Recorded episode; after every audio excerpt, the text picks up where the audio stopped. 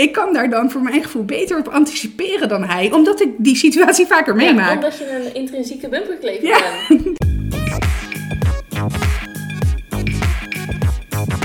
Hey, welkom bij Strawberries on Fire. Leuk dat je weer luistert. Gaia en ik zijn weer helemaal van de partij en we gaan weer gezellig een drie kwartier tot een uurtje vol praten over eh, leuke dingen die we hebben meegemaakt, die ons zijn opgevallen. En let's go! Hoe gaat het met je? Nou, dat zou ik je eens even vertellen. Ik eh, was redelijk geïrriteerd eh, vandaag. Want eh, weet, je wat ik, weet je wat mij nou echt al. Nou, wat mij echt een beetje de keel uithangt? En dat zijn echt dingen waar ik nog jaren tegenaan ga lopen. Maar kom je wel eens bij de Lidl? Niet meer. Oké. Ken jij de band nadat de cashier, hoe zeg je dat? De, de- je, zeg maar, je legt de spullen op de band, dan gaat de cashier scannen en dan heb je daarna nog Oh, je bedoelt die 30 centimeter die ze bij de Lidl ja, over hebben. vierkante ja, centimeter. precies. Ja, nou, ik zeker. heb altijd heel veel spullen bij Lidl. Want ik heb een groot gezin. En dus heel veel zooi. Eh, Er zijn dus zeg maar cashiers die dat snappen en die dan denken... Oh, ik sta ook wel eens met zo'n volle kar. Dus ik wacht even met scannen, zodat als zij alles heeft uitgepakt... dan sta ik daar alvast. Dan kan ik mijn tas open doen en dan, kan het, dan is het echt een gestroomlijnde... Hè? Het- Machine. ja, Ja. precies. Gewoon een geoliede machine. En eh, dan pak ik alles in en niemand die er last van heeft. Deze cashier gaat gewoon beginnen. Propt heel dat, die Oh, vierkante centimeter vol. En ik heb ook een systeem, hè? Ja, ik op weet de band het. Ja, ik Ja, weet het. Ja. Dus je begint, ik heb twee tassen meestal. Dus dan begin ik met pakken melk en weet ik het allemaal. Ja, zware, zware, en dan- ja. ga ik naar de lichte zaken toe. En dan ga ik dat weer opnieuw doen voor de tweede tas. ja. Nou, dit hele systeem gaat dan dus Naar de haaien. Nee, ja, inderdaad. Ik wou het anders verwoorden, maar naar de haaien is een beter moment. Ja, normaal gesproken ben ik de explicit van de twee, hè? Ja, ja, en dan hadden we het al binnen de twee minuten gehaald. Maar we zitten nog op de goede kant. Ehm, anyway, dat irriteerde mij echt mateloos. En dan denk ik, je zit daar, want het is ook een meisje wat ik daar al jaren tegenkom. Je zit daar toch al een hele tijd. En ik heb weinig zin om het tegen haar te zeggen. Ik heb het trouwens wel al eens een keer, ik denk tegen een ander gezegd. Van, wil je even stoppen met scannen? Want dan kan ik uitpakken. Nou, die keek me aan alsof ze water zag branden. Ja. En dan denk ik, ja. Juist, je hebt het over jezelf even verplaatsen in een ander. Ja, of gewoon luisteren. Ja, nou dat, ja. Daar hoef je niet eens empathie voor te hebben, Nee. maar gewoon je oren open te zetten. Ja, dus ja. eh, ik stond daar en ik dacht, dit wil ik heel graag delen. Dus eh, dames en heren die bij Lidl achter de kassa zitten, we houden van jullie. Ik hou van jullie formule en ik hou van jullie winkel. Maar ga niet het hele blaadje vol zetten om vervolgens echt dan nog zagrijnig naar je te kijken, omdat je dus niet snel genoeg bent. Maar even, want een van de redenen, los van dat ik hè, verhuisd ben en dat ik daardoor niet meer, eh, niet meer heel veel bij de Lidl kom. Ik ergerde me groen-geel aan eh, hoe je jezelf daar binnen die winkel moest manoeuvreren met kinderwagen en Ja, dat is ook zo. Maar ik wel... winkelmandje of hoe heet zo'n ding, karretje. Ja, ik ken ze wel. eh, in, hier in Zoetermeer zijn de Lidls vrij krap Ja. en, en echt onhandig. En ook ehm, kassa's die dan soort van verkeerd op de stellingen staan, waardoor Ja. je half en ja. is er dan aan de beurt, vette awkward momenten en zo, echt super irritant. Maar ik was, eh, ik werk in Gouda nu natuurlijk, nou, Ja. nee, ook wel een dag, maar en daar zit echt om de hoek een vrij nieuwe en die is echt groot en heel relaxed. Oké, oh, dat is dan misschien nog wel een goeie. Om daar een keertje. Ik zit inderdaad meestal maandag in Gouda. Ja, Om daar een keertje naar mijn werk dan. eh Ik denk dat dat voor jou ook nog wel goed aan te rijden is. dat denk ik ook. Zitten die in dat grote winkelcentrum? eh? Nee, nee, nee. Zitten Oh. echt... ehm, maar goed, dat is Nou ja. ver voor de podcast. ja. Maar in ieder geval zitten echt op 200 meter van mijn werk. Dus, Oké, eh, nou ja, maar jij en ik, we- op zich werken we redelijk eh, bij elkaar in de buurt. Ja. Maar eh, ja, Je moet op de Westerkade zijn. Daar houden we het bij. ik ga het onthouden. Ja, maar nee, dus please have some mercy voor de moeders of vaders met de grote ehm, winkelwagens vol met boodschappen. En werk gewoon mee. Luister in ieder geval naar ons. Oké, heb jij je nog ergens aan geërgerd? Of, Nou, dit kunnen we wel een vaste rubriek maken. Waar Ja, erger waar erger je aan? aan? Ja. ja. ja, ik, eh, ik, maar ik moet zeggen, deze ergernis die, eh, die heb ik dagelijks. En, en ik weet dat dat een delen ligt aan mijn eigen gevormde gedrag. Maar nee, ik erger me groen en geel altijd aan mensen die niet normaal kunnen autorijden. En met niet normaal kunnen autorijden bedoel ik dat je je precies aan de snelheidslimiet houdt. Lekker links blijft plakken. en op je telefoon zit, waardoor je niet Ja, oplet. maar dat is, dat, kijk, dat eerste, eh, nee, eerst het laatste. Dat laatste, dat kan echt niet. Nee, oh Ik echt, op zulke niet- momenten nee. zou ik zo graag politieagent willen zijn. Maar echt. Ja. Ik, heb, ik zijn ook wel eens naar die mensen. Dan ga ik ernaast rijden en dan maak ik echt zo'n telefoongebaar met mijn hand. Terwijl dat ik echt denk, Die ja, mensen denken echt, hmm, Ja. ja, oké, succes met je leven. ja precies. Ja. Maar al was er om mijn frustratie gewoon te kunnen uiten, want het is echt levensgevaarlijk. Dit is echt levensgevaarlijk. En niet eens voor jou, maar gewoon voor de mensen die je aanrijdt. Ja, Ja. precies. Kijk, dat je jezelf nog dood jaagt moet je zelf weten. Maar 9 van de 10 keer neem je ook iemand mee in je pad ter destructie. Ja. Dus. Maar goed, ehm, Maar los dan, hè, Ja. want dat is ook gewoon eh, bij wet verboden. Maar als je het hebt over, ja, ik, ik moet heel eerlijk zeggen, ik heb nogal een Italiaanse rijstijl. In de vorm van een zware rechtervoet. En in sommige gevallen zijn verkeersregels keuzes. Of richtlijnen. Of richtlijnen, Verkeersrichtlijnen. Precies. Dus, eh, en dat, eh, de, ja, ik erger me daardoor echt mateloos aan van die burgertrutten die, die inderdaad precies 50 in de linkerrijbaan gaan eh, rijden. Ja, ik kan me ook wel ergeren aan mensen die inderdaad op een telefoon zitten. Ik kan me ook ergeren aan mensen die echt 1 kilometer onder de maximumsnelheid rijden. Maar ik denk altijd, als ze de maximumsnelheid rijden, denk ik, ja, nou ja, ja. Nou ja, je mag hier 80. Dus ja, als je 80 rijdt, dan ben je bij mij, zit je bij mij al in mijn hart. Hoewel ik zelf, eh, ik heb, ben geen Italiaanse rijstijl, maar ik rij ook wel gewoon een beetje door. En ja, maar linksrijders zijn echt verschrikkelijk. Oh man. Ja, Ja, maar ik, op een gegeven moment ben ik het dan ook echt zo strontzat dat ik ze rechts in ga halen. En dan, Ja, ja. Niet, en dan niet op een nare manier, dus ik gooi hem er dan niet voor. Ik ga dan gewoon naar de rechterbaan en blijf op de rechterbaan totdat ik kan. En daarna, als ik dan de volgende in moet halen, dan ga ik weer naar de linkerbaan. Terug, ja. ja. dus het is niet dat ik, ik doe het niet om een statement te maken. nee. Maar ik doe het wel gewoon dat ik denk, ja, hou eens even, weet je, rot op naar rechts. Ja, want nee, dat doe ik ook wel hoor. Ik eh, haal dan rechts in, en dan, maar ik vind, het altijd, ik vind het dan altijd nog wel spannend. Ja, ik altijd ook. wel de risico's. En Ik ook. Ik- ik- soort eng. Ik probeer ook altijd dan te, te letten op eh, het rijgedrag van de ander. Want je ziet vaak mensen eh, hun hoofd naar rechts bewegen als ze aanstoten maken om naar rechts te gaan. Dus daar let ik dan altijd wel op. Ja, en ik denk ook altijd als jij op deze manier links blijft rijden, dan heb je dus niet helemaal door wat er om je heen gebeurt. Ja, nee, eens. Dan ben je er niet Ja. helemaal bij. Maar waar ik me ook heel erg aan kan ergeren dan nu we het erover hebben, over het verkeer, zijn bijvoorbeeld mensen die ineens van links naar helemaal rechts gaan. Of van rechts Ja. naar helemaal links. Of een verdrijvingsvlak Ja. meepakken. En dan denk ik, ja, misschien moet je gewoon eh, dat niet doen. En eh, take your loss, neem de volgende afslag, kan mij het schelen. Ja. Tijd is ook maar, weet je wel, eh, ja, wa- waarom zou je, waarom Nee. zou je dit doen? Waarom zou je dit doen? Zeker.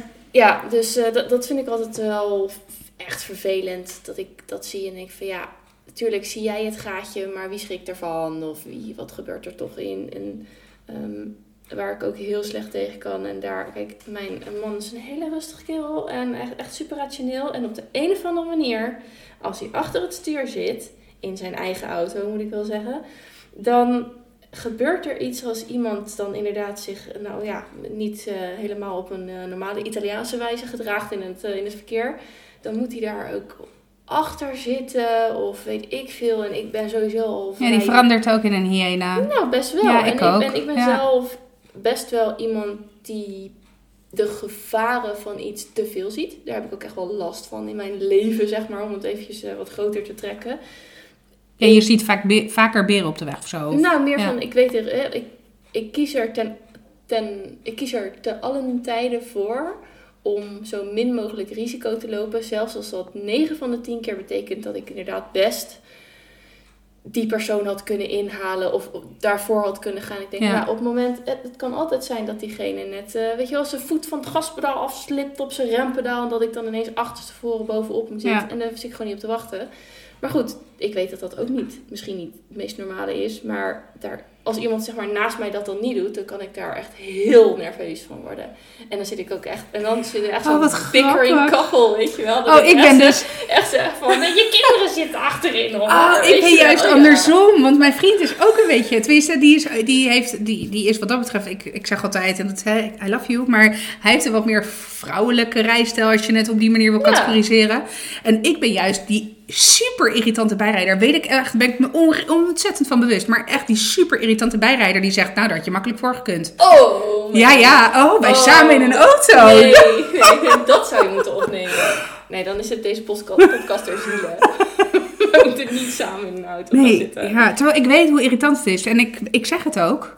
Ik, terwijl ik het dan, maar dat is dan zo'n moment dat je weet, ja, ik moet mijn mond houden, maar ik kan het kan niet. Nee. Nee, nee, nee, ik, ehm, ik ben inderdaad wel een beetje tegenovergestelde, maar ik probeer me gewoon niet echt ergens mee te bemoeien. En het maakt me ook allemaal niet zo heel veel uit. Totdat ik echt. En ik word, het is ook niet overdreven. Ik krijg echt een steen in mijn maag als ik merk van dit. Ik vind dit gewoon te dicht op je voorganger Ja. zitten. En ja, ik weet dat hij irritant langzaam rijdt. En ik weet dat je nu niet kan inhalen en dat hij eigenlijk gewoon moet doorrijden. Maar take your loss, neem het risico niet. Ja. Ga gewoon erachter hangen en denk, hé, hey, Nou, dan maar een minuut later. Ik moet wel zeggen, wat ik, wat ik bij mijn vriend heb, juist omdat, want hij, de, de grap is dan wel, en hij, soms dan denkt hij, oh ja, weet je, eh, ik rijd niet door of weet ik veel wat. Of, hè, en dan gaat hij juist ineens een soort van compensatiegedrag vertonen, waardoor hij dus ineens gaat bumperkleven. En dan zit ik ook met die stenen in mijn maag, want hij is het niet gewend om Nee. zo te rijden. Nee. Dus hij kan daar, kijk, ik ben een soort van gewend om zo te rijden, dus ik kan, ik vind uiteraard mezelf ook de beste chauffeur van Nederland, maar ik, ik kan daar dan voor mijn gevoel beter op anticiperen dan hij. Omdat ik die situatie vaker Ja, meemaak. omdat je een intrinsieke bumperklever Ja. bent. En wij, ik moet zeggen, bumper, wij doe ik niet heel vaak. Want dat vind ik ook echt, dat ik denk, ja... Dat vind ik echt een- inderdaad een nutteloos risico. Want voor hetzelfde geld staat die een ineens voor, vol op zijn rem. En dan eh, rijd ik mijn auto in de prak. Ja, En ik moet ook wel zeggen, als ik de kinderen in de auto heb, rijd ik echt wel een stuk relaxter dan wanneer ik in mijn eentje eh, in de auto zit. Maar ik zit best veel op de weg voor mijn werk, dus ik rijd ook best wel veel in mijn eentje. Ehm, maar goed, dus de, de grap is dat ik dus die steen in mijn maag ook heb op het moment dat Frank dus ineens risicovol gaat rijden. Omdat ik denk, nee, kan je helemaal niet. nee, dat gaat niet goed. Terwijl, heel eerlijk, hij heeft volgens mij nog nooit schade gereden. Jij wel? Eh, ja, ik heb een keer- ja, ja, echt super suf. Ik heb een keer, eh, toen ging ik Zeno ophalen, echt al, nou, vier jaar geleden. Toen ging ik mijn auto parkeren. En eh, het was een automaat. En op een, een of andere manier wilde ik remmen. Alleen ik trapte per ongeluk op het gaspedaal. En toen reed ik vooruit iemand zijn schutting eruit. Oh. Ja, echt super sneu. Die zijn trouwens echt dik opgelicht daarna door de... Of tenminste, opgelicht. Ja, hij heeft eh, flink de verzekering laten betalen. Want volgens hem eh, waren de kosten 1800 euro voor het vervangen van twee schuttingdelen. Zo.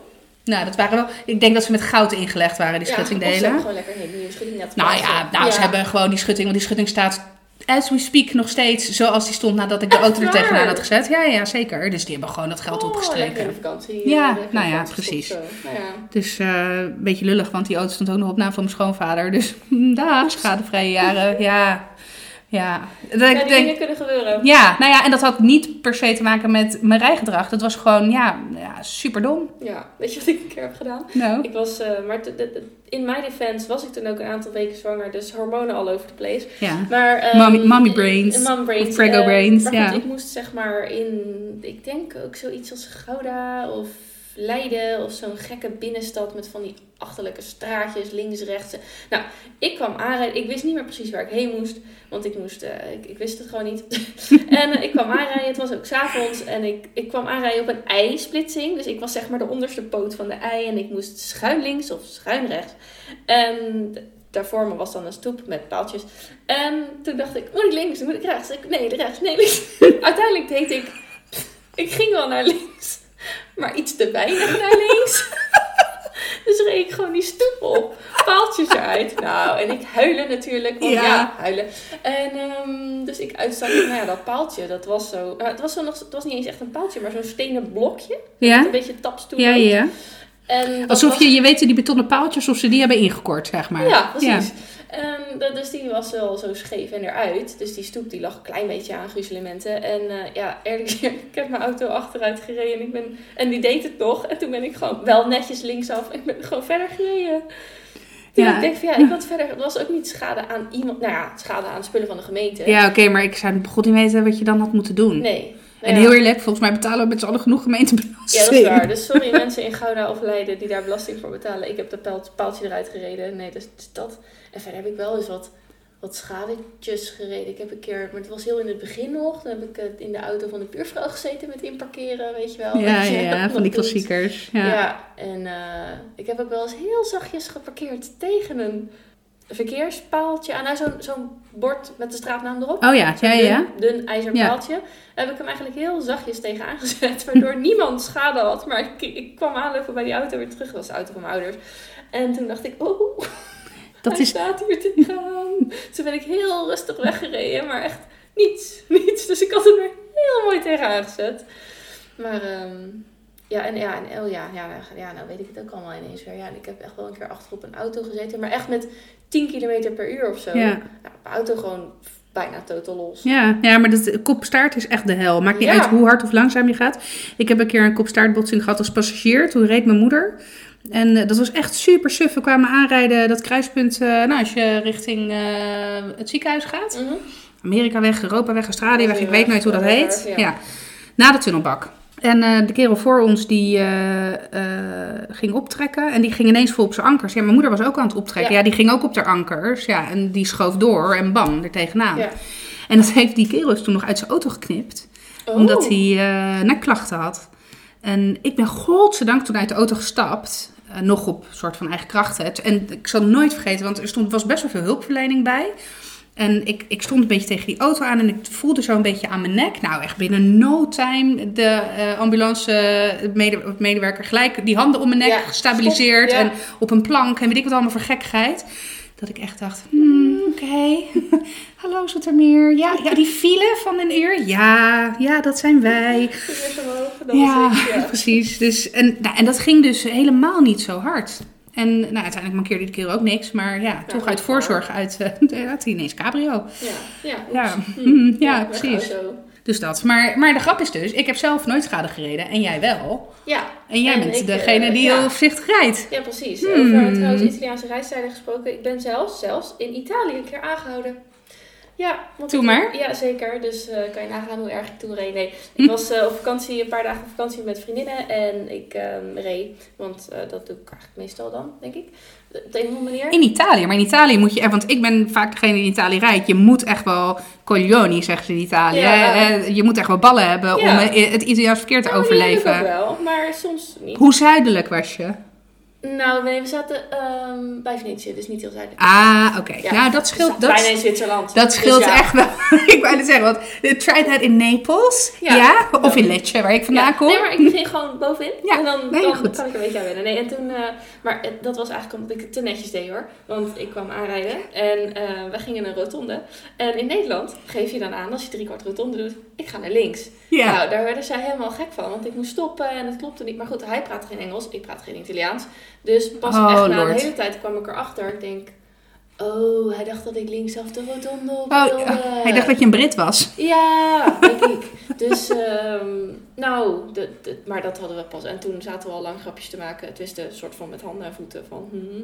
En ehm, toen wilde hij met ons op de foto. En toen wilde hij onze Facebook en zo. En toen dachten we, nou, we gaan weer terug naar onze camping. Ja, hey. Italianen en jonge meiden, hè? Ik bedoel, Ja. ja. ja. Ja, nou ja, goed. Dus ehm, dat was wel grappig. Dus nou ja, goed. Ik ben ooit eh, aangehouden door, eh, spreek jij het eens even uit, de carabinieri. Ca- carabinieri. Ja.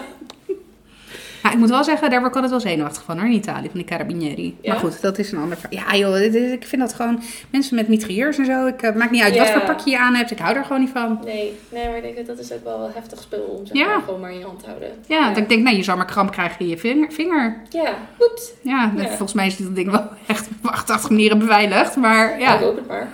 Ja. Hm. Oké, over het verkeer eh, gesproken heb ik nog wel een mooi, eh, mooi bruggetje naar het volgende onderwerp wat ik je wilde vragen. Of waar ik benieuwd naar ben wat jij ervan vindt. Ehm, wat doe jij als je een kinderfietsje langs, nou in ieder geval vrij dicht bij het water ziet liggen? Goeie vraag. Ja. Echt nooit bij stilgestaan. Nee, ik heb, eh, ik heb daar wel eens wat vaker over gehoord. Van hè, dat dan wel zoektochten. Ja. hè. Dus, eh, maar goed, ik zal even vertellen waarom. Want ik fietste dus van de week eh, richting eh, een, een opdrachtgever. En toen fietste ik dus bij ons over dat fietspad hier. En dan, daar zit een dijk en daarboven zit dan een sloot. Ehm, maar goed, tussen het fietspad en de sloot zit een meter of 15 aan grasstrook met wat boompjes. Dus ik fietste daarheen en ineens zag ik, ik zag dus een verlaten kinderfietsje tegen een boom staan. Dus ook niet vlak bij het water van is er afgevallen. Of, eh, en het kinderfietsje was ook nog een slag groter denk dan Mason hem heeft. En die is vier. Ja. Ehm, dus ja, het leek me ook een kind van vijf, zes. Die, ja, hmm, weet je wel, die zijn ook niet zo heel erg... Dat, ik weet het niet. Het was een beetje, het was niet heel erg verdacht. Maar ik fietste verder en ik dacht, ja, die kinderen die moeten eigenlijk ook nu gewoon op school zitten, want het was onder schooltijd.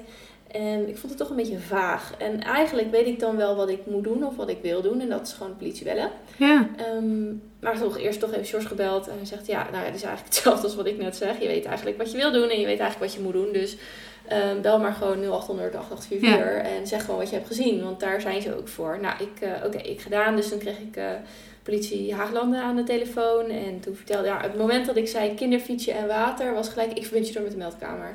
Oh, dus daar mag Ja. je ook gewoon 1 en 2 eigenlijk ja, voor bellen. ja, ja, dus eh, nou, toen kreeg ik eh man aan de lijn en eh, ik weet een beetje hoe ze daar dan bij zitten. Nou, hij deed wel super goed, want het ging echt helemaal van oké, als ik dan daar vandaan kom, moet ik dan lopen, want dan, hè, want ja, fietspad en hij zit natuurlijk ook achter dan met navigatie. Dus ik had het uitgelegd waar het fietsje stond en eh, mijn gegevens nog achtergelaten en ik heb er verder niks meer van gehoord.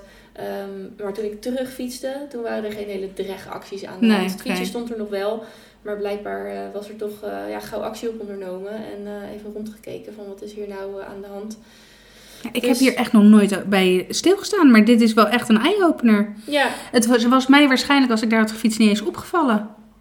Of tenminste, ik had het fietsje wel zien staan, maar ja, oké. Nee, de hele connectie, nee. Nee, nee, ik heb inderdaad wel eens vaker gelezen van eh, water, eh, kinderfietsje langs de kant. Ja, nee, maar dit is een hele goeie. Dit, Ja. deze ga ik onthouden. Ja, nou ja, ze gaan natuurlijk dus, ze nemen dus wel het zekere voor het onzekere. En, Ja, gelukkig. ja, Ja. zeker. Nou, ja, ik fiets ook door en ik dacht ook, ja, stel je voor dat Mason uiteindelijk naar school fietst en ehm, weet ik veel. Ik neem mezelf altijd als uitgangspunt en ik was als kind en nog steeds, maar nu ben je volwassen, dus heb je dat wat meer onder controle, zeg maar.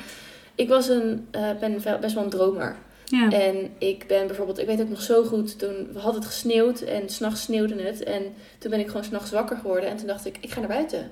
Dus ik heb heel stil mijn schoenen aangetrokken en mijn jas aangetrokken. En wij hadden zeg maar boven de, onze huissleutel, die hing boven de deur. Dus dan moest ik altijd, en dat deed ik altijd al, maar dan moest ik op de aanrechtblad staan en dan leunen en dan kon ik bij die sleutel. En dan, nou Ja. op dat moment, dus echt op het laatste moment dat ik naar buiten zou gaan, kwam mijn moeder naar beneden en die zegt, wat ga jij nou doen? Ja, ik wil even naar buiten in de sneeuw. Nou, nee. Hoe oud was je toen? Ja, nou, ik was dus echt wel zo oud dat ik dus al op het aardeblad kon klimmen. En dan bij, zeg maar, de, het sleutelbordje Ja. wat echt richting het plafond hing, zeg maar. Want die hing echt boven de deurpost. Ja. Dus nou, zo- zo'n kind was ik. Dus ik zie mezelf ook zo dat ik dan ineens denk... Oh, wat een mooie zwaan. Ik Ja. ga mijn fietsje daar neerzetten en ik ga naar de waterkant lopen. Nou, maar ik zie, ik zie bijvoorbeeld Zeno zie ik dat ook nog wel eens doen. Of bij Zeno, die wordt er bijvoorbeeld heel erg getriggerd door bloemen. Oh ja. Dat hij ja. dan denkt, oh, wat een mooie bloem daar. Wat een mooie lelie in het water. Ja, Ja, oh, oh. kan ik daar... Oh, ja. Nou ja, ja dus... Daarom. Jeetje, wat een, ehm, wat een eye-opener. Ja. Of heb ik je wereld nu ietsje zwarter gemaakt? Nee, maar wel, er, eh, eh, nou ja, ik zou, eh, ik zou het mezelf niet vergeven als ik dan in hindsight zou denken, oh, ik heb dat fietsje zien staan en ik heb niks gedaan. Dus ik Nee. ben wel blij, ehm, Ja, ik heb het ook echt gedaan voor mijn Ja. eigen gemoedsrust. Nou ja, ja, precies. Nou, ik heb wel, dat heeft niks met kinderen te maken, maar wel, weet je, op het moment je de N206 richting Leiden, Mhm. Daar heb je nauwelijks fietsen, looppaden. En daar kwam ik een keertje eh, onderweg naar Schiphol, kwam ik daar een, eh, een dame tegen die langs de kant van de weg, maar een wat oudere dame, en ze maakte een wat verstrooide indruk. En toen heb ik wel meteen 1 en 2 gebeld, van hé hey, jongens, Ja. ik zou deze wel even checken, want voor hetzelfde geld is ze echt verstrooid en staat ze, hè, misschien wel dementerend, en staat ze ineens midden op de N206 eh, met ja. alle gevolgen. Ja, je komt daar ook niet heel gauw nog een huis tegen. of Nee, nee, helemaal niet. eh, Nee, nee, want het was echt in, het was zeg maar tussen Zoeterwoude, Stompwijk, eh, het was echt in niemandsland. Ja, En dus dat triggerde me wel om dan meteen. Maar zo'n fietsje zou mij niet nee, triggeren, omdat ik denk, dat is ja, gewoon een item. Dat Ja. staat daar. Ja, ja, ja. ja. maar wel, ik ben wel blij, ja. Tenminste, ik ben wel blij, ja. Ja. Nou weet ik wat ik volgende keer...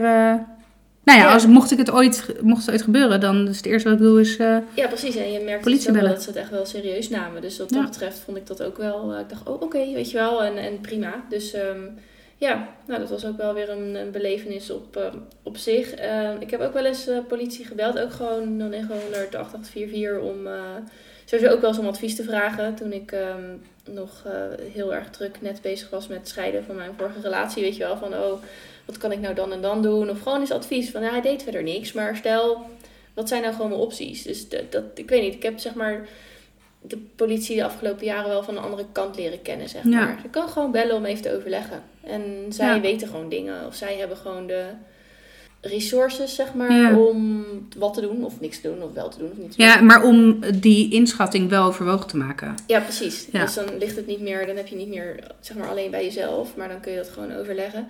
En ik heb ook wel eens gebeld, omdat ik dan ook langs die N206 zag ik een vrachtwagen staan waarvan de achterdeuren open waren. En ik zag niet zo gauw iemand die erbij hoorde, of weet je wel, soms zie je gewoon de vrachtwagenchauffeur daar Ja. staan of lopen, of die zit daar gewoon, maar dat was gewoon verlaten. En, want ik, maar ik denk ook, stel dat hij ligt te slapen, dan is het ook raar als de deuren openstaan. Ja, Ja. dan dat, ja. Dat, Ja, dus daar heb ik ook wel eens voor gebeld. En eh, nou, daar ja, verder ook niks meer van gehoord. Nee. Maar ja, dus dat soort dingen. Ja, ik heb wel eens gebeld. eh dat was in ons eh, eerste, nou eigenlijk mijn tweede huisje, maar eh, in Leidschendam. En dat was een, eh, zo'n hatwoningcomplex, jeugdwoningen. En daar gebeurde best wel het een en het ander. En dat waren natuurlijk papieren muurtjes. Dus je hoorde alles. Oh ja. Dus elk onvertogen woord wat de buren eh, bezigde, hoorde je. En daar heb ik wel eens, eh, daar heb ik een aantal keren de politie gebeld. Omdat ik je echt hoorde letterlijk mensen tegen muren aangesmeten worden. Weet ik wat allemaal. Ja. En dan moet ik inderdaad eh, misschien denken aan die campagne van eh, het houdt niet op, niet Ja. vanzelf. En toen dacht ik, ja, dit... eh, Ik ben zelfs nog één keer, en toen was ik zwanger van zenuw. En dat is de enige reden waarom ik toen niet naar boven ben gegaan. Wij woonden op de ene hoogste verdieping. En dat ging zo heftig tekeer dat ik dacht, ja, ik weet niet eens zeker of de politie nu op tijd zou kunnen zijn, zeg Oh, maar. En toen stond ik op de... mm, op het portiek, zeg maar. Of tenminste, ik stond in het trappenhuis om naar boven te gaan. En toen bedacht ik me ineens, want ik was zwanger. Ik denk, Guy, nee. Nee. Want stel dat echt de hè, shit aan de hand is, dan sta je daar. En dan ben jij ineens de rode vlag Ja. eh, voor zo iemand. Hè, want, ja, de en, bliksemafleider of Ja. wat dan ook. Maar dat wil je gewoon niet. Dat wil, dat überhaupt niet. En al helemaal niet Nee. als je zwanger bent. Dus eh, toen heb ik de politie gebeld. En die waren, die moet ik echt zeggen, die waren echt binnen. Poep in de scheet waren die ter plekke. Eh, ik heb wel toen ook aangegeven dat ik dat anoniem wilde doen. Ja, voor hetzelfde geld komt hij naar beneden om het verhaal te halen. precies. Ja. Dus, eh, dus ik heb ook wel regelmatig contact gehad met de politie. Maar ik zou inderdaad niet bedenken dat zij ook een adviserende rol kunnen hebben. Nee, Inderdaad. nee. Dus eh, nou, ik ben in ieder geval blij dat ik gebeld heb. En eh, ja, gelukkig was er blijkbaar niks aan de hand. nee. Maar ehm, ja, liever negen keer voor niks dan de tiende keer voor wel wat. Hoe zeg je dat? Ja, ja, ja. Ja, ja omdat de tiende keer wel wat kan zijn. Ja. Dus ja, dat vond ik... ehm, was voor mezelf ook wel weer een, een, weet je wel, meer om weer alert te zijn. Van bel nou maar gewoon gelijk. Weet Ja. je, waarom ga ik nou eerst weer Moeilijk lopen doen. moeilijk lopen doen? En ik bellen. toch wel weet wat zijn advies is en wat ik eigenlijk zou moeten doen om mezelf een beetje te laten voelen. Dus ja. Vraag je. Ja. Zou jij iets aan jezelf laten verbouwen? Ik heb best wel vaak gedacht aan een borstvergroting. Oh, echt? Ja. Ehm, niet zeg maar initieel, want het was gewoon prima. Ehm, zwangerschap 1. Mhm, ja. Ja. Ja. Zwangerschap 1 eh, deed al het een en ander eh, ehm, eh, veranderen. Ik had eh, echt v- vanwege de borstvoeding en nou ja, je krijgt sowieso, want ook als je niet borstvoeding geeft, worden ze heel erg groot. Nou, voor mij was ze ook heel erg groot. Er bleef niet zo heel veel meer van over, maar het was op zich nog wel... Je gaat van kommetjes naar bananen. eh, ja, nou, ik had echt gewoon echt bolletjes. Gewoon. Ja. Oké, weet je wel, waren allemaal niet groot. Een cupje B, maar prima, hè, whatever. Ik heb een dik kont, dus eh, laten we het dat daar gewoon van hebben. Ehm, ik heb meer onderstel dan daarboven. Ehm, maar eh, ja, op een gegeven moment was, waren het een soort eh, nou ja, maar wel nog met een beetje volume. En zwangerschaps 2, eh, zwangerschap 2 heeft daar het volume ook het totaal uitgehaald. Dus nee, nee, dat is niet echt mijn ehm, finest feature meer. Dus daar moet ik wel eens aan denken, ja. Ja, en verder zou ik wel eens wat aan me ver- Ja, verder eigenlijk ook nooit over nagedacht. Of nooit wensen gehad voor iets anders, denk ik. Nee. Nee, ik zou wat minder sproeten willen vroeger, maar ik weet niet of je die überhaupt kan weghalen. Maar nu. Oh, dat vind ik juist super leuk, sproeten. Ja, dit, zeg maar de laatste jaren heb ik daar ook helemaal geen last meer van. Nee. Want, ja, het is wat het is, bij mij. En ja, Ja, ik vind het super cute, sproetjes. ja, ja, ja, een paar zijn cute. Ja, Mason heeft een paar sproetjes ja geweldig. I Ja, know, ja. Maar ik heb er vrij veel op mijn gezicht, vind ik, zeg maar, in vergelijking tot dat. Maar ehm, nee, ja, dus een eh, borstvergroting en, oh ja, oogleden liften. Maar ik denk dat ik dat echt serieus wel een keer ga doen. ja. En jij? Nou, ik zou eh, aan mijn gezicht, denk ik, niks verbouwen, zeg maar. Ja, klinkt een beetje stom, hè, verbouwen. Maar zou ik niks, Ja, ja, maar- zou ik niks, eh, zou ik niks doen? Omdat ik sowieso, eh, ik vind ouder worden fysiek, los dan van de ongemak die ik met zich meebreng. Maar qua uiterlijk vind ik het echt niet erg. En ik vind ook echt Dat je bepaalde rimpels ook gewoon verdient. Weet je, die, dat, dat toont aan dat je een leven hebt gehad, zeg maar. Om maar van ja. En, eh, en ik vind het ook vaak wel mooi tekenen eigenlijk. Mm, dus nee, in mijn gezicht eh, niet zozeer. En ik heb ook niet een, een, een buitenproportioneel grote neus of eh, gekke... Nou, trouwens, dat is niet helemaal waar. Want ik heb een scheef kin sinds een softballongeluk. Ja, ik, volgens mij... De, ja, ik weet eigenlijk niet of jij daarbij was, maar... Ik was er niet bij, maar ik denk dat ik later zou komen. Want ik was ook ik was zwanger van Mason. Dus ik Oh zou ja, sowieso je zou sowieso niet meespelen. En, ehm, Ja, nou, dit is ja. zeg maar, je hebt één keer per jaar bij Beurt eh, het kansloze toernooi. Waarin zeg maar dus wij als vrouwen van honkballers Ja. ook een keertje mee mogen ja, doen. en het is niet een kansloos toernooi, maar... Nee, nee, nee, sorry. Ja, dat bedoel ik. Ja, so- bedankt voor deze, Ja. inderdaad. ja, dus inderdaad.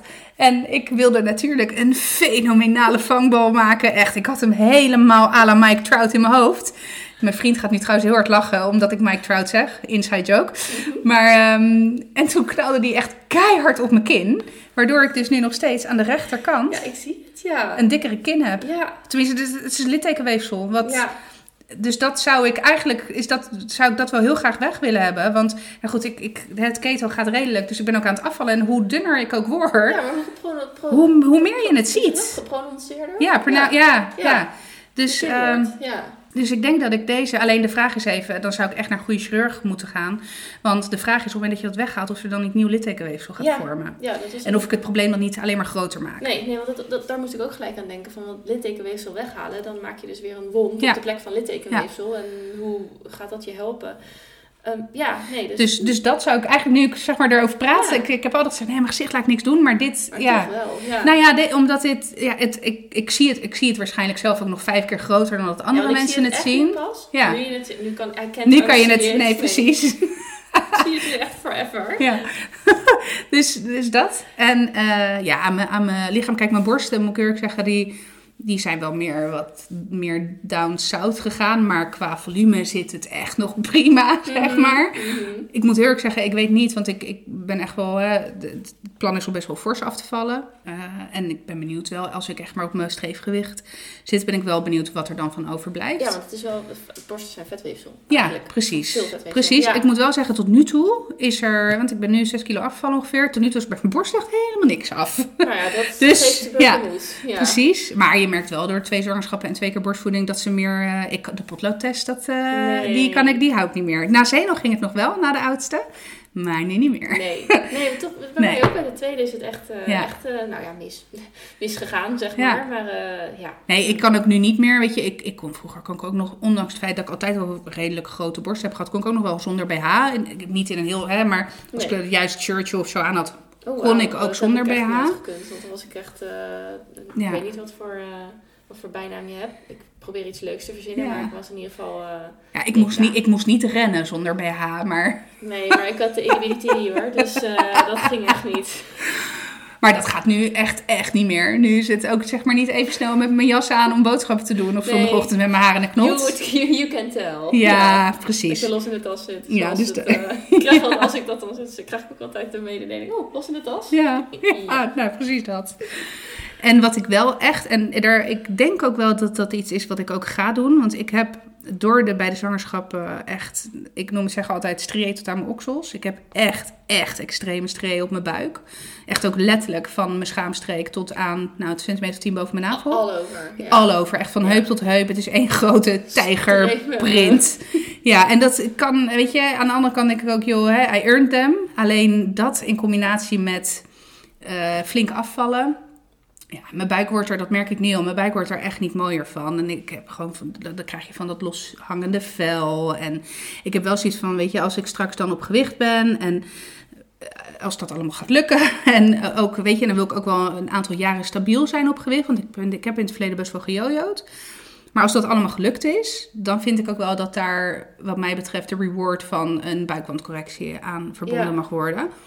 Want dan wil ik ook gewoon met trots in een bikini kunnen lopen. En niet nog steeds een badpak moeten dragen om maar die lelijke strië te, eh, Te verbergen. te verbergen. Ja, want Ja. is het dan de strié of is het dan de extra vel? Ja, het is een combinatie. Kijk, doordat je natuurlijk... Kijk, in principe is strië natuurlijk gescheurde huid. Dus als je gewoon even puur zegt, kijkt, het oppervlakte van je huid is groter geworden. Ja, Dus, en het trekt sowieso natuurlijk weer uit met zwangerschap en, en met overgewicht. Dus en naarmate je ouder wordt, merk je ook echt dat de huid minder elastisch wordt en dus minder makkelijk terugveert. Maar die strié is natuurlijk nog extra, waardoor de, gewoon überhaupt de oppervlakte van je huid groter is geworden. En strié, dat komt ook niet meer goed. Je kan alle bindweefseltherapieën er tegenaan gooien die je wil. En alle olietjes, cremmetjes, serumpjes. Nou, succes daarmee.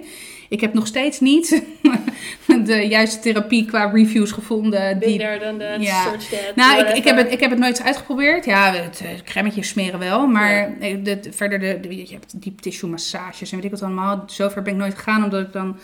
Ja, de reviews zijn dan niet per se heel erg En dat denderend. zal nog best wel prijzig zijn. Ja, dat ik. is niet goedkoop. En Ja. datzelfde geldt ook voor een buikwandcorrectie. En, Ja. Kijk, het ligt een beetje aan eh, de hoeveelheid overtollige huid in hoeverre dat dan ook nog vergoed zou worden. Kijk, ik ben niet, weet je, ik heb wel overgewicht, maar ik ben niet eh, 200 kilo. Dus ik verwacht niet dat mijn uiteindelijk het overtollige huid, dat dat genoeg is om, om vergoed, om vergoed te krijgen. zo. ja, precies. Maar dat is dan wel iets wat ik, wat ik echt heel graag zou willen. Want ja, dus dat zou ik zeker aan mezelf laten doen. Ja. Ja. En is het heftig, zo'n buitenbandcorrectie? Ja, dat is wel heftig. Dat is een litteken van heup tot heup. Oh, wauw. Ja, dat is echt wel heftig. Daar ben je Ja. ook echt wel weken uit de running. En ehm, wat ze doen is eigenlijk, eh, ja, is misschien een beetje de graphic. Dus ik, probeer, ik zal proberen het enigszins eh, mooi Als je er te... tegen kan, moet je nu even doorzetten. Ja, precies. Eh, hè, ze, maken, ze, ze maken je, eh, je huid los eigenlijk van heup tot heup. En dan, dan eh, vaak wordt, doen ze het ook in combinatie met liposuctie. Dus, en eigenlijk trekken ze als het ware je huid dan zo naar beneden. Dus je, navel, je krijgt ook een nieuwe navel. Want Oh. de navel die je hebt, ja, die, dat, waarschijnlijk die is dat ook- ook ja, die het gedeelte wat weg, Weg? wordt Ja, want gehaald. het zit midden in de flappen, Ja, zeg maar. precies. En dan wordt er dus een nieuwe nepnavel eigenlijk gecreëerd. Eh, en daarna word je, word je weer dichtgehecht, zeg maar. Maar je hebt echt een hechting van, ja, van heup tot heup. Dus ga maar na hoe groot dat is. Ja. Met ook, weet je, je hebt de drains in eerste instantie eruit. En het is best wel een infectiegevoelige omgeving. Dus weet je, je moet echt, echt wel heel goed de instructies opvolgen van, eh, van je chirurg. En We hebben echt een herstelperiode nodig. ja, ja, het is echt, het is geen, Het is echt een eh, het is operatie. echt een heftige operatie. Ja. En dat is ook wel meteen natuurlijk ook de overweging van, ja, weet je, ga je ook de risico's daarin eh, lopen? Maar ik denk wel dat eh, tegenwoordig zijn ze zo goed. Eh, en ik zou dan ook, ik zou daarvoor niet voor een dubbeltje op je eerste rang gaan. Ik ga Nee. niet voor zo'n operatie naar Egypte omdat het daar eh, de helft goedkoper is. Nee, weet ja, je? tenzij ze daar ook heel erg goed zijn. Ja, nee, maar dat, tweede. je, hebt ook zo'n programma hè, op, op televisie van, eh weet ik veel, plaschirurg eh, misgegaan. En dan hoor je Eh, vaak van die mensen die... eh, ja, van die mensen die dan eh, voor, vanwege het geld naar het buitenland zijn gaan. Of in ieder Ja. geval naar van die shady klinieken. Ja, Om dat soort dingen te doen. En dat zou ik nooit, nooit doen. nee. Dan betaal ik met liefde en plezier duizenden euro's meer. Ja, Want het het- is wel ja, mijn leven in waar je je leven- het... in Ja, leven, ja. precies. nou heftig. wat inderdaad, ik heb wel eens een programma gezien over...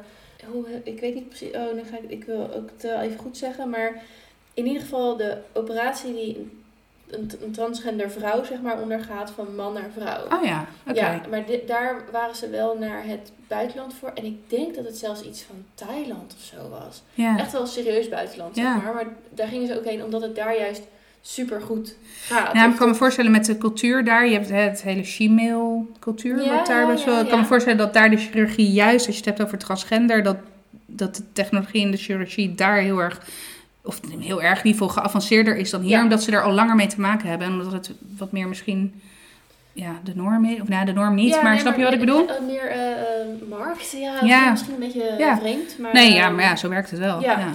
Dus ehm, er zijn ook wel keuzes die je dan blijkbaar kan maken naar het buitenland, om- omdat het thuis juist daar wel goed is. Ehm, nee, ik zou wel, ik zou wel een ooglidcorrectie doen en ik denk dus dat ik dat ook echt wel een keer ga doen. Ik weet Ja. mijn vader heeft het gehad en... ehm, Oh, echt? Ja, Oké. ja, maar die kreeg het echt vergoed, want die, eh, die geeft n- nou, heel weinig om uiterlijk vertoon. Ja. Dus eh, die deed het zeker niet. Maar die ging, er, die ging er pas wat over zeggen toen het echt... Hij kreeg gewoon hoofdpijn van, Oh. het, van de huid, zeg maar. Omdat ja, hij- ja. Weet je, je zit toch de hele dag een soort van onbewust je ooglid open te houden Ja. terwijl er iets op zit. Ja. Dus ehm, die heeft het ook laten doen. Nou, dat was echt, eh, die zag er gewoon jaren jonger uit. Ik weet dat mijn, eh, toen met mijn ex-schoonmoeder heeft het laten doen. En die zag er echt jaren jonger uit ook. En een vriendin van mij zelfs ook, eh, die dat al heeft laten doen. Nou, dat is echt heel mooi geworden. Dus ik denk wel dat ik dat uiteindelijk een keer zou willen laten doen. Nu nog niet, want ik moet wel, ja, ik weet niet, wanneer heb je dan een punt dat je zegt van nu is het echt erg. En nu is Nou, het ik- ook niet, want misschien is het na 20 jaar wel weer uitgezakt. Ik denk, ja, Ja, nou ja, goed, dan doe je het na twintig jaar weer. Ik bedoel, ja. Ja. dat klinkt misschien een beetje heel erg, maar ik denk, tenminste voor mij zou het moment zijn op het moment dat ik mezelf in de spiegel kijk en denk, ik ben niet meer, Ja, ik ben niet meer happy. Of, dat ik, ja, ja. precies. En dat heb ik dan nu nog niet heel vaak.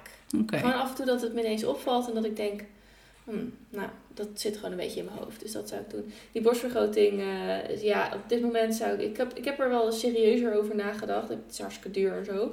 Maar eh, dan nu, eigenlijk pas in, omdat ik de laatste, paar dagen geleden zag ik een foto van een meisje.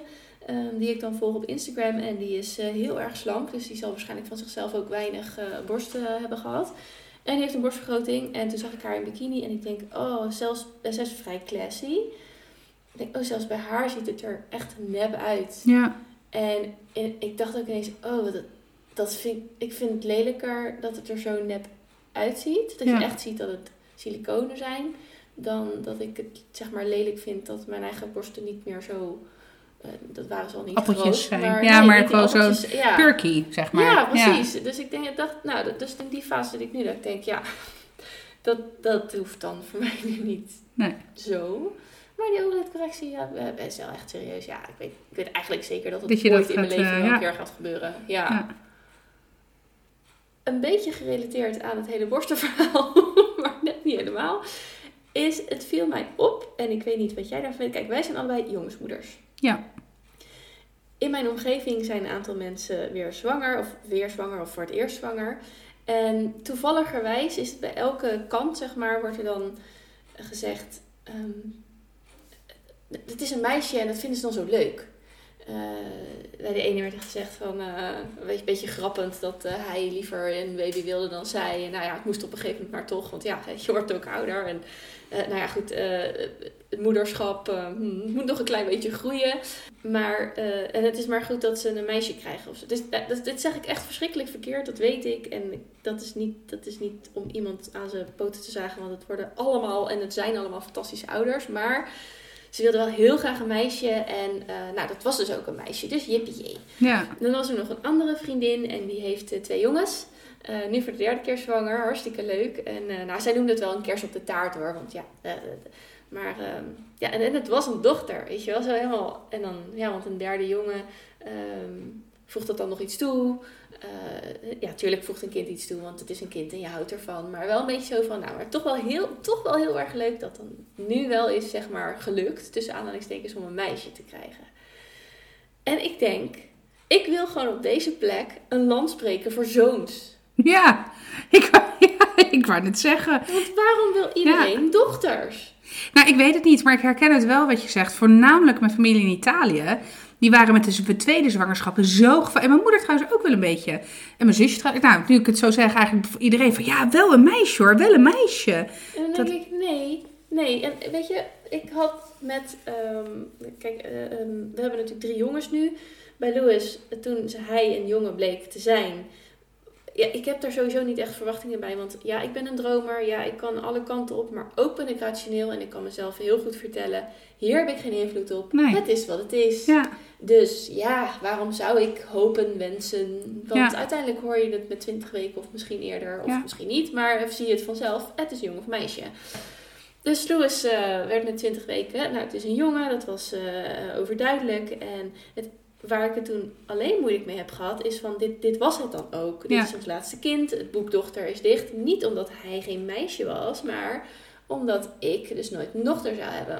Ja, ik denk wel dat de ervaring van het moederschap anders is voor, Ja. voor een jongetje eh, d- en een meisje, zeg maar. Dus eh, ik denk echt wel dat zeker, ik denk dat in de kinderperiode nog niet heel veel, hè, echt in de kleine kinderperiode dat verschil minder groot is, maar zeker naarmate ze richting puberteit gaan en Ja. in die fase, eigenlijk de, de fase waar jullie oudste nu hè, ingaat, ik denk dat daar een cruciaal verschil is tussen of jij een dochter hebt of een zoon. Even los van natuurlijk dat niet elke zoon en niet elke dochter hetzelfde karakter heeft. En Nee. dat dat de, het gros van de vorming is, zeg maar. Ja, of van de, ja. Maar ik denk echt wel dat. Ik, ik denk ook echt bijvoorbeeld dat je.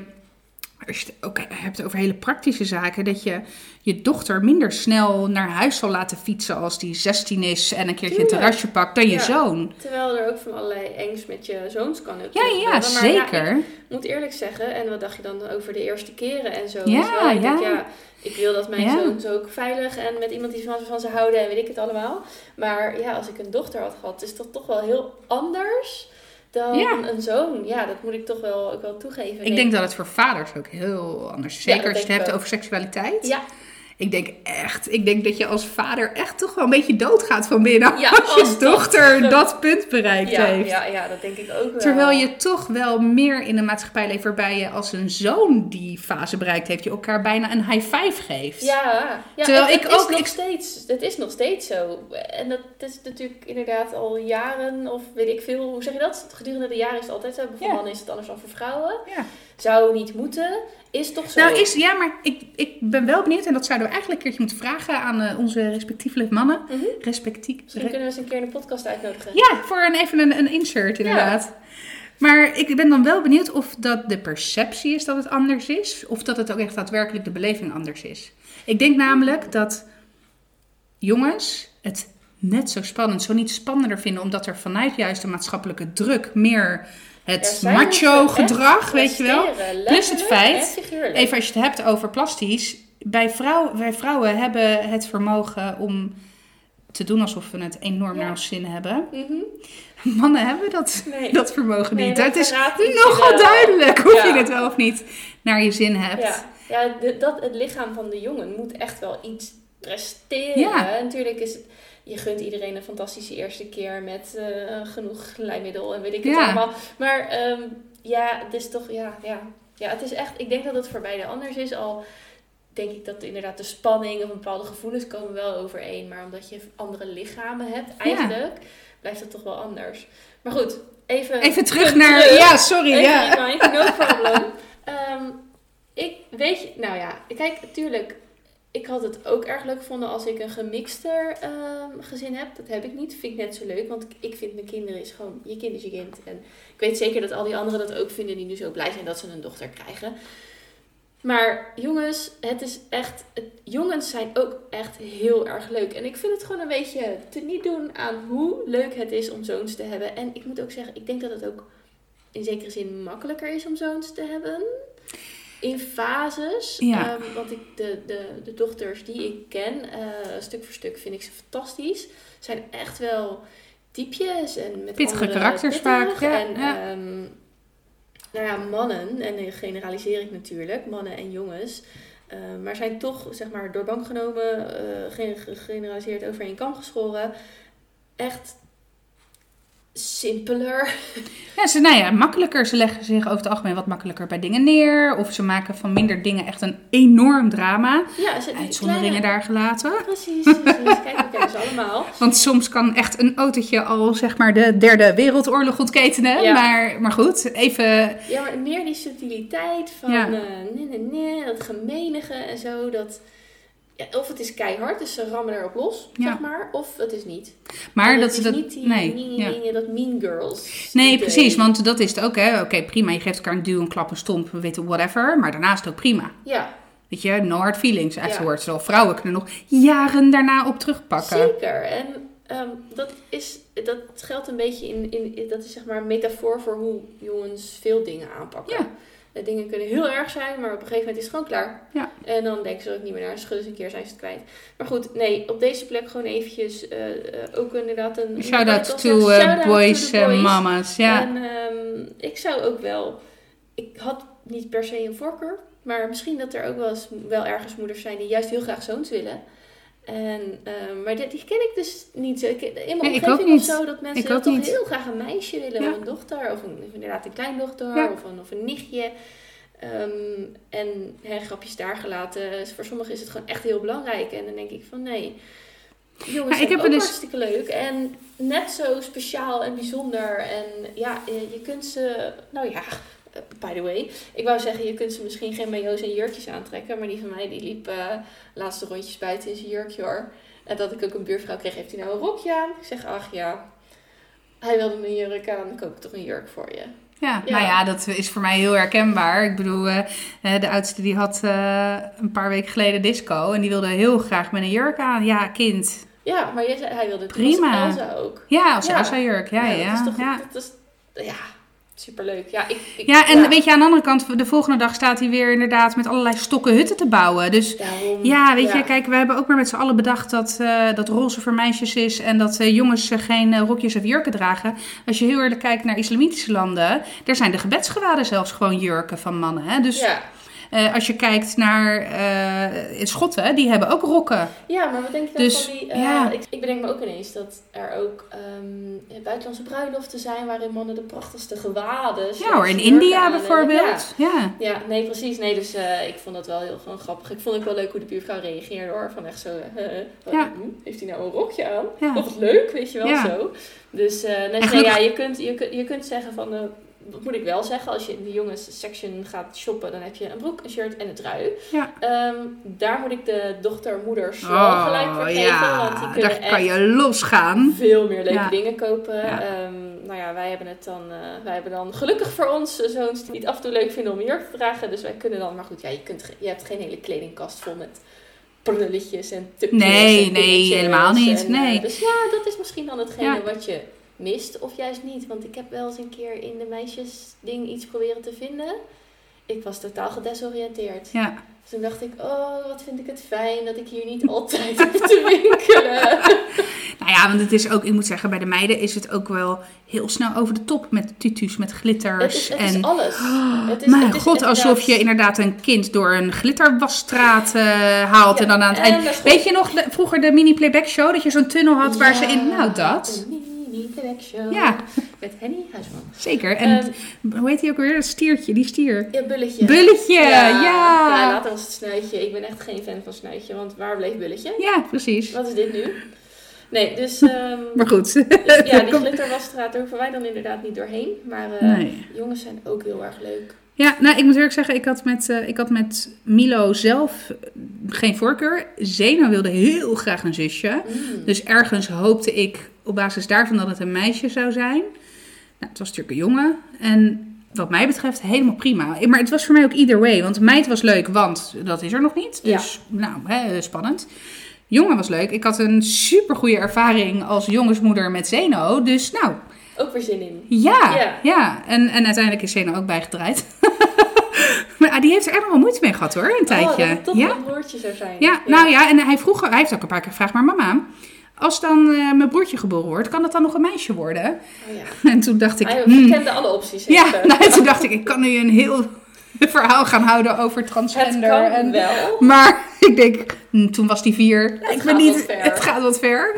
Dus eh, toen heb ik gewoon, nee schat, het is echt een jongetje. Het is Ja. echt je broertje. Dus jij bent nu grote broer van je kleine broertje. Ja, dus als er moeders zijn die gewoon eh, met een eerste, tweede, derde, vierde, weet ik veel, zwangerschap toch leuk vinden, maar zeggen, nou, ik hoop dat het een jongetje wordt, maak je bekend. Want eh, Ja. ik ben een beetje, eh, nou, ik heb wel zoiets van, ik wil even op de barricade staan voor onze zoons. Ook leuk. Dan nog, eh, we zijn wel bijna aan het einde van de tijd, maar ik wilde toch nog even een, een leuk artikel wat ik las, doorheen nou, jagen. Ehm, ik las, ja, de titel was, Oma bevallen van eigen kleindochter.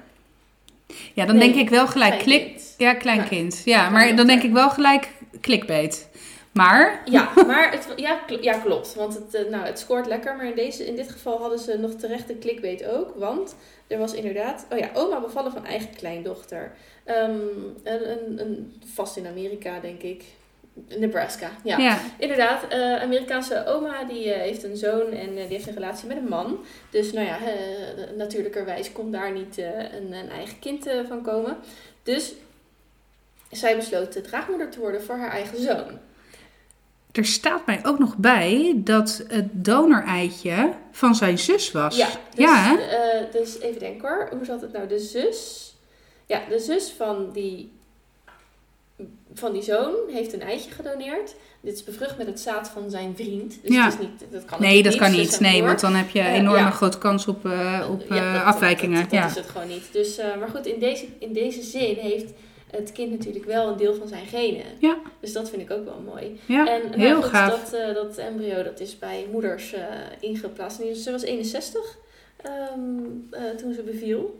En eh, gezond kind en weet ik het allemaal. Dus, maar ik vind het toch wel een heel bijzonder verhaal. En ik denk ook eerlijk gezegd dat misschien niet overal ter westerse wereld, zeg maar, je als 60-jarige vrouw zegt: ik, ik word draagmoeder. nou, ik, sorry, ik, ik ga ervan uit dat omdat het in Amerika is inderdaad dat weet je, de, de dame in kwestie wel, of de oma in kwestie wel uitvoerig medisch is gecheckt om te Ze kijken of dat kon. waarschijnlijk qua zwangerschap, zwangerschap dragen. En ik heb trouwens een keer een aflevering van de Kardashians gezien waarin Chris, Chris, Chris, Chris Jenner ging Mhm. checken of zij misschien draagmoeder kon worden. En toen had die arts inderdaad ook wel gezegd van ja, het kan, maar je bent gewoon 60. Dus fysiek is het echt een stuk zwaarder. Ja, Maar goed, je hebt een baarmoeder. ja, dus ja, Dus, prima. ja, Ja, ja. ja.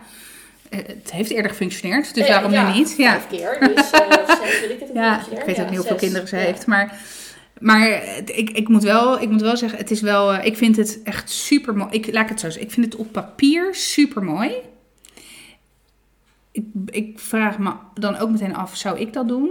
Nou, los dan nog van het feit dat ik natuurlijk horrorzwangerschappen heb. Ik hou Ja. heel veel van mijn kinderen, maar, hè, dus, maar even los daarvan, als ik helemaal in de glorie zou zijn, weet ik niet of ik dat zou kunnen. Want ik vind een zwangerschap en een bevalling vind ik wel dusdanig intiem. En de band die je daarmee creëert. Aan de andere kant, is wel je kleinkind, dus het is wel echt primair familie. Eh, maar ik, eh, ik vind het wel, ik vind het heel bijzonder. Ja. ja, ik heb wel eens over nagedacht van zou ik draagmoeder willen zijn, want ik denk over heel veel dingen na. En ehm, ik, vind, eh, ik vind zwanger zijn, ik heb minder horrorzwangerschappen dan jij gehad, dus eh, voor mij zijn dat wel fijne ervaringen. En het enige wat ik nu ook, als ik dan die meiden zo zag weer met hun bolle buikjes, dacht ik, eh ook zou nog wel eens een weekje zwanger willen zijn. Ja, Dat, ik zou niet nog een kind willen, maar ik zou nog wel een keer zwanger willen zijn. Dus zou echt niet willen dat ik zwanger werd. Want die zegt dat is echt de- dat is eigenlijk de ergste periode van alles. Want dat vond ik ook nog wel een leuke inzicht. Dat, is- zei die laatst ook. Van ja, maar dat is voor ons echt geen, dat zijn echt geen leuke maanden. Want je hebt er niks mee. nee. En je bent eigenlijk op een gegeven moment alleen maar vermoeiend. Omdat je weer, hij zegt niks te nadelen van het kindje. Maar je moet weer je hand op je buik leggen. Ja. En dan denk je, ja... Maar goed, ehm, dat terzijde. Oh, ik hou Nee. echt van de eerlijkheid en de, en de, gewoon de straight to the point van Shores. Ik kan me dat zo voorstellen. Vanuit hun oogpunt. Zeker die van Shores trouwens. Ja, maar rationeel is het ja, precies dat. Ja, nee, dus ehm, ik zou best wel draagmoeder kunnen zijn. Ehm waar het feit dat ik inmiddels 34 ben en je dat volgens mij... Nou, jij mag eitjes doneren totdat je 35 bent. Dus als iemand heel graag mijn eieren nog wil, moet hij echt heel snel zijn. Dat is trouwens geen sinecure, hè? Nee, Eierendonatie. nee, nee, nee, dat weet ik. Dus Ja. daarom zou, ik zou het ook echt alleen maar doen voor, ehm, no offense, maar echt voor familie. Ja, Ja, Ja. dus ehm, wat er echt op neer zou komen dat ik, eh, het is denk ik niet nodig, maar even hè, theoretisch gezien Ja. zou ik draagmoeder zijn voor mijn schoonzus en zwager en voor mijn eigen broertjes. Weet ik niet zo goed, want eh, mijn, eigen, mijn broertjes zitten nu in een hele andere levensfase dan ik. Dus Ja. ik weet überhaupt niet of zij ooit aan kinderen denken. en Weet ik het allemaal. Dus ehm, ja, als ik, ik, zou, ik, zou, maar ik, zou het, er- ik zou er best wel voor openstaan. ja ik, eh, nou, even dan dus los het fysieke aspect. Ik weet niet of ik het zou kunnen. Ja, want je moet daarna wel, want ik, inderdaad, die zwangerschappen zijn zo bijzonder. Je bouwt echt wel iets op met zo'n babytje in je buik. Het is wel heel heftig om dat dan daarna Aan de andere kant, aan de ander je hebt geen slapeloze nachten daarna. nee, ja. Maar Hoe chill ja. is jouw kraamperiode dan? maar gewoon vier maanden vrij. Maar dan ook echt vrij zonder baby. Of ben ik nu al heel erg... eh, Ja, heb je dat dan? Of wordt het dan gewoon gezien als herstel na, een- na een Nee, volgens operatie? mij, nee, volgens mij heb je gewoon recht op je zwangerschapsverlof. Ja, je hebt gewoon, eh, volgens mij heb je gewoon recht op zwangerschapsverlof. Ja, nee, ik denk dat, dat, je dan, dat je dan wel, en ik weet totaal niet hoe dat gaat hoor. Misschien is het wel interessant om eens een keertje in te duiken. Maar ik denk dat je wel, in mijn geval zou ik wel heel erg moeten gaan ehm, opletten van hoe ga de, de periode na de bevalling. Want je moet toch een soort afstand kunnen doen van een baby. Mijn baby die nu ook aan het huilen is boven, gelukkig is mijn man thuis. Dus als je dit hoort, er wordt voor hem gezorgd. Ehm, en toch, ja, dat zou ik in, in eerste instantie ook wel heel moeilijk vinden. Tuurlijk, en je- heb je daar een soort van proces voor. Van, Nou ja, en het scheelt wel. Kijk, zeker op het moment dat je het doet eh, voor iemand in je directe omgeving. Je houdt daarna wel gewoon een band met dat kind. Ja. Hè? Dus je bent of een tante. Je bent eigenlijk in jouw geval zou je dan tante zijn. ja, Dus ja. daarmee ben je nog wel gewoon intensief betrokken bij, bij het leven van zo'n kind. Ik zou het nooit vervreemden doen. Nee. Weet je, want ja, ja, en vreemden als in... eh, ja, sommige mensen worden inderdaad betaald om draagmoeder Ja. te zijn. En dan, ja, ja, dat zou ik eh, sowieso al niet doen. Maar Nee, nee, maar ik zou het inderdaad niet voor vreemden doen, maar ook niet voor mensen inderdaad waar je dan geen bloedband mee hebt, soort of. En, ehm, maar ja, goed, ja, als, je, als je dat bekijkt, als het, als het mij om de bloedband gaat, zou ik het dus inderdaad ook voor mijn eigen kinderen kunnen doen. Ja. Wat dat betreft snap ik zo'n zo'n oma wel, maar... ehm, wel, ja, het is denk ik wel het ultieme geschenk, Geschenk, zeg maar. Ja. Wat je, je, wat je in dit geval kunt geven. Ook, kijk, ik weet niet precies hoe de, de wet en regelgeving in Nebraska specifiek is. Maar ik weet dat adoptie voor homo ehm, en lesbiennes in, homo's en lesbiennes in Amerika staatafhankelijk echt heel moeilijk, eh, Ja. heel moeilijk is, zo niet bijna onmogelijk. Misschien is ook wel een regel dat je getrouwd moet zijn en dat kan niet overal. Zoiets. Precies. Ja. En kijk, nogmaals, hè, ik heb echt totaal niet, geen idee hoe dat Nee. zit. Maar ik kan me zomaar voorstellen dat dat, dat, dat eh, zijn, zijn eh, beperkingen opwerpt. Ja. Want ik zou dan ook in het kader van, en dat is misschien heel erg, nou, bijna geitenwolle sokken, maar in het kader van eh, wereldbevolkingsproblematiek. Ja. dat ik denk, ja, er zijn ook genoeg kinderen die geen, die zijn geboren buiten een relatie of buiten een liefdevolle omgeving. Ja, kinderen in adoptie. Nee. eh, ja. Precies, lief, of, eh, kinderen die in, in de system, zeg maar, eh, ronddwalen. want dat is het vaak. Of dolen zelfs. Ja. En dan denk ik ook, ja, is dat dan niet eh, de beste optie? Aan de andere kant... Ja, aan de andere kant begrijp ik heel goed de wens naar een biologische band. En Ja. hè, anders, als ik daar echt, anders had ik zelf geen biologische kinderen gekregen, dan had ik kinderen geadopteerd. Maar, hè, dat, dat, volgens mij heb ik dat ook al eerder benoemd, ik sta wel ervoor open in de toekomst eventueel. Ja, Dus, ja, je eh, hebt inderdaad over pleeg eh, gehad, volgens mij. Ja. Dus dat is dan wel een beetje de, de kanttekening die ik erbij. Of de kanttekening, weet je, het is misschien eh, niet, niet zo hard, maar ja, er is ook genoeg als je het gaat, hebt Ja. over vraag en aanbod. En als je het hebt over kinderlevens, Ja. die je dan een, een kans kunt bieden op iets supermoois.